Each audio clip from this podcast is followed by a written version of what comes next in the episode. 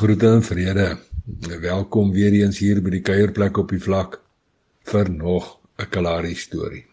Vanmiddag lees ons in Micha 6, die 8ste versie in die 2020 Afrikaanse vertaling. En daar staan geskrywe: Hy het aan jou mens bekend gemaak wat goed is. Wat anders eis die Here van jou as om net te doen wat reg is, om troue liefde te bewys en om nederig die pad saam met jou God te loop. En vanmiddag se storie se naam Vreemde waarhede. Die boodskap het vroegoggend gekom. Sommer nog voor die son se rooi oog agter die verste sien uitgeloer het. Hierdie mooiste mooise selfoon gelei. Nog voor sy kon antwoord, het ek al vermoed dat die doodsengel se spoor by iemand op Nooniput se voordeur ingeloop het. En so wat het dan ook. Want nog voor sy finaal gegroet het, het 'n traan in haar oog die hartseer nuus bevestig. En binnekort gaan die alleenstaan begrafplaas wat so aan die randkant van Honeypit lê, 'n muurnes van bedrywighede wees. Daar sal behoorlik gesweet en geswoeg word vir die komende begrafnis wat gewoonlik die tweede Saterdag na die doodsengel se oorstaan is. Wel, heel eers op die doenlysie is dat daar 'n graf gegrawe moet word.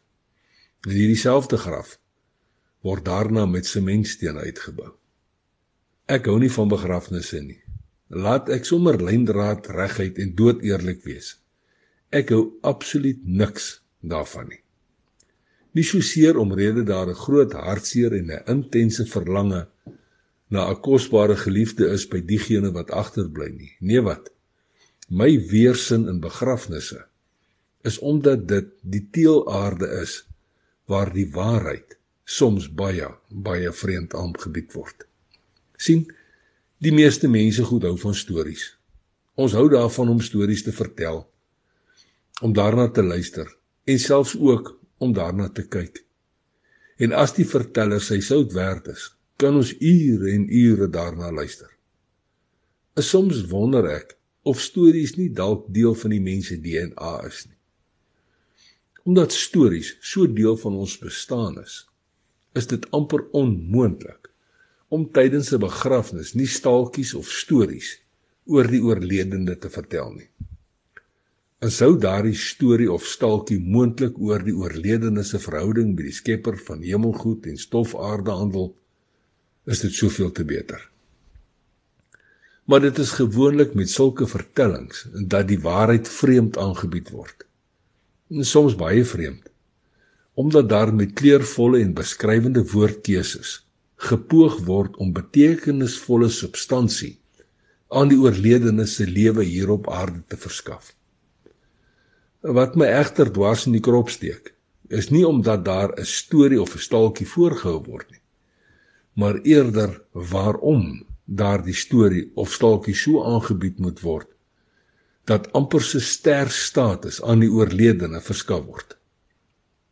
En terselfdertyd word die skepper van hemelgoed en stofaarde se rol en sy betrokkeheid geminimaliseer tot 'n aanhangsel of 'n invoeging iewers in die vertelling. Ons Skepper God is en bly 'n God wat ten volle uitverkoop is aan verhouding. 'n verhouding waar hy niks anders van ons as mense goed eis as om net te doen wat reg is, as ook om troue liefde te bewys en om nederig in die pad saam met hom te loop nie. Dit word van ons gevra sonder dat enige reëls of regulasies, wette of voorskrifte op ons van toepassing is. Henog was die heel eerste mens na die sondeval wat regtig waar hierdie beginsel verstaan het. Hierdie geloofsheld het vir 300 jaar daarvolgens gelewe. En van wie Henog se naby aan God leefstyl het die Here hom kom haal en hy is 'n begrafnis gespaar. Gevolglik was dit nooit nodig gewees dat die waarheid vreemd aangebies moes word oor Henog nie. En dit moet my en jou strewe wees as ek en jy maar net na die profeet Micha wil luister. Kom ons doen net dit wat reg is. Bewys troue liefde en loop nederig die pad saam met die Skepper van hemelgoed en stofaarde. Sodoende sal ons, net soos Henog, ten volle in sy teenwoordigheid omvou en opgeneem word. Dan sal dit mos geensins nodig wees dat die waarheid vreemd aangebied hoef te word sodat my en jou lewe enige betekenisvolle substansie het nie.